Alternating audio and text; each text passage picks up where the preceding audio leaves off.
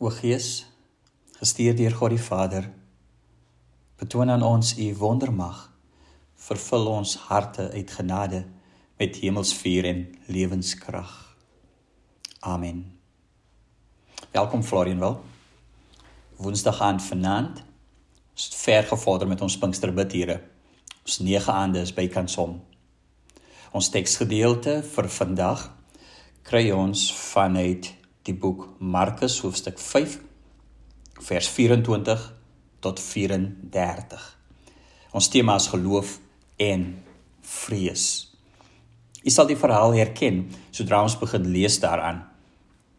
Dit die verhaal begin of ons lees vanaf vers 24, maar dit begin al vroeër met Jairus wat na Jesus Christus toe kom en Jesus sobat om sy dogter gesond te maak. En dan volg hierdie onderbreking van die vrou wat hy gesond maak. Dis ons teksgedeelte vir vandag en dit lees ons. Jesus het saam met hom vertrek. Dis nou Jairus. 'n Groot skare het hom gevolg en teen hom gedruk. Daar was 'n vrou wat al 12 jaar lank aan bloedvloeiing gely het. Sy het erg gely onder baie dokters en sy het al haar besittings daaraan bestee. Sy het egter geen baat daarbey gevind nie. Dit het eerder slegter met haar gegaan. En toe sy van Jesus hoor, het sy in die skare van agter af gekom en aan sy boekleed geraak. Want sy het gesê: As ek maar net aan sy boekleed kan raak, sal ek gesond word. Die oorsaak van haar bloeding het toe dadelik opgehou en sy het aan haar liggaam gevoel dat sy van haar kwaal genees is. Jesus het onmiddellik agtergekom dat krag uit hom uitgegaan het. Hy het in die skare omgedraai en gevra: "Wie het aan my boekleed geraak?" Maar sy disippels het vir hom gesê: "U sien dat die skare van alle kante af teen u druk en tog vra u: Wie het aan my geraak?" Hy het om hom bly rondkyk om die een te sien wat dit gedoen het. Toe die vrou besef wat met haar gebeur het, het sy bewend van vrees voor hom kom neerval en hom die volle waarheid vertel. Hy sê toe vir haar: "Dogter, jou geloof het jou gered. Gaan in vrede en wees genees van jou kwaal."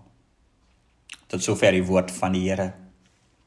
Kom ons fokus vir 'n oombliekie op vroue in die Bybel om nogtans iets te verstaan van ons Here Jesus Christus en sy handeling. Daar's 'n merkbare verskil in die hantering van vroue tussen die twee testamente. In die Ou Testament het vroue meer regte gehad.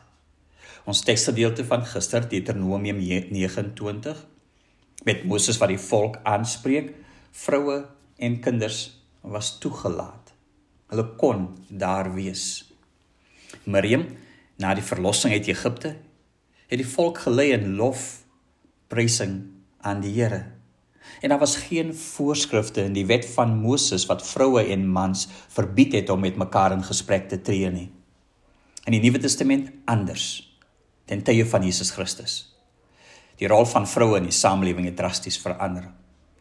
Hulle het nog minder regte gehad in die Nuwe Testament. En die rede hiervoor is die invloed van die Grieke. Die Jode was so beïnvloed deur hierdie ongoddelike kultuur van die Grieke dat hulle die regte van vroue nog verder weggeneem het en daarom vroue gelaat het met geen status nie. Die Joodse kultuur in die Nuwe Testament het beteken dat mans onder andere die Here bedank het dat die Here hulle nie as vrouens geskep het nie. Hulle het ook geen sins was hulle toegelaat of kon hulle vroue op straat groet nie. Vroue was totaal afhanklik van mans. Mans was die sags, gesagsfiguur. As jy 'n dogter was, dan was dit jou vader. As dit jy 'n vrou was in 'n huwelik, dan was dit jou man. As jy nie 'n man gehad het nie, dan die naaste uh bloedverwant wat 'n man is, was die gesagsfiguur oor jou. Daarom was vroue heeltemal afhanklik van mans vir beskerming en alles. Mans kon ook oor enigiets van hulle vroue skei. Vroue kon onder andere nie skei nie en so voort en so voort. Jesus se hantering van vroue was daarom anders. Wanneer Jesus vroue teëgekom het, het hy in sy gedrag teenoor hulle elke liewe sosiale reël oortree. Want hy het met vrymoedigheid met vroue in die publiek gesels en maak nie saak wie hulle is of wat hulle gedoen het of van waar hulle kom nie. En het altyd vroue met respek en deernis hanteer. Die geheimenisse van die koninkryk het Jesus aan almal gedeel en selfs vroue ook. Hy het nie net gekies om te vertel van die koninkryk aan mans nie. Vroue was ingesluit. Vroue was volgelinge van Jesus gewees. En in ons teksgedeelte het ons een van die dramatiese hantering van 'n vrou uh, in daai tyd in ons teks. So ons teks bestaan uit twee verhale wat in een gevleg is. Blykbaar doen Markus dit. Die verhaal van die dogtertjie wat op 12 jaar sterf, wat onderbreek word en die verhaal van haar word onderbreek deur die vrou wat aan bloedvloeiing vir 12 jaar gelei het. In beide verhale is daar vrees. Kom ons dink vir 'n oomblik aan Jairus. Hy was een van die leiers van die sinagoge. En die beste sou wees dat is dat hy hom nie met Jesus identifiseer nie. Jesus met sy verkondiging van 'n nuwe koninkryk is nie iets waarvan die Romeine sou hou nie en dit sou vir hom beter wees om die Romeine gelukkig te hou. In elk geval is Jesus 'n baie kontroversiële figuur en toe raak sy dogter siek. En die vrees vir moontlike politieke of gods, godsdienstige moeilikheid het nou toe nie meer saak gemaak nie. En steek sê ja Iris val voor Jesus se voete neer en smeek hom ernstig om sy dogter te help wat op sterwe lê. Ons sien dus dat hy hier nie meer omgee vir sy vorige vrese of vir wat mense van hom sal sê nie. Dan is ons van die vrou, die fokus van ons preek en boodskap vandag. Ons lees dat sy bewend van vrees voor Jesus verskyn het na haar genesing. Die die erns van haar probleem, die sien ons. Dit is al vir jare lank wat sy siek was en alles wat sy probeer het, het nie gehelp nie. Sy het alles wat sy gehad het daaraan spandeer. Maar deur dit alles het haar toestand net vererger.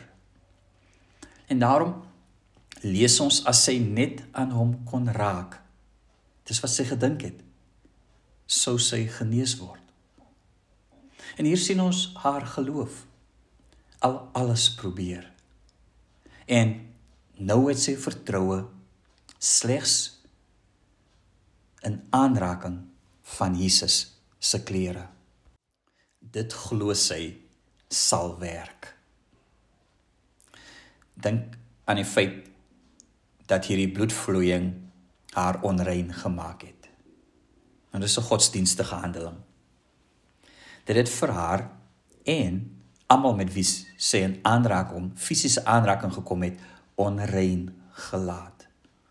As jy onrein was, was jy byvoorbeeld nie toegelaat om deel te neem aan aan die godsdiens nie. Nou was 'n klomp ander goed ook. So die Jode het ten alle koste dit vermy dat hulle enigstens onrein sou word. En almal en alles wat sy aangeraak het oor 12 jaar was ook onrein. Stoel, tafel, noem maar op. Dit beteken vir 12 jaar het niemand vrywillig aan haar geraak nie. Kon sy aan niemand raak nie. As sy getroud was, het dit ook beteken dat haar man seker ook al lankal van haar geskei het, want hierdie bloedvloeiing was meer as genoeg rede vir egskeiding. Dit is dus hierdie onrein vrou wat van agter aan Jesus se klere raak. Sy kies daarvoor sodat sy nie gesien kan word nie. Sodat niemand weet daarvan nie. En so imagine die vrees wat sy as vrou moes gehad het. Sy kon eintlik nie aan Jesus raak nie. Kultureel, godsdienstig mag sy nie. En as gevolg van haar siekte nog minder. Want sy sal ook vir Jesus onrein maak. So as sy dit net anoniem kan doen sonder dat hy weet. En sy doen dit. En aan die wonder sy word gesond. En dan So ken ons die res van die verhaal dan stop Jesus. Hy laat hierdie onderbreking toe. Ja, Iris en die dogtertjie, dit is nog daar, maar hy gee hieraan eers aandag. Hy gee aan haar as vrou net soveel aandag soos aan Jairus wat 'n leier van die sinagoge is. Ons moet dit nie mis nie. Dit is belangrik vir Jesus. En dan expose Jesus haar. Maar nie nie om te oordeel.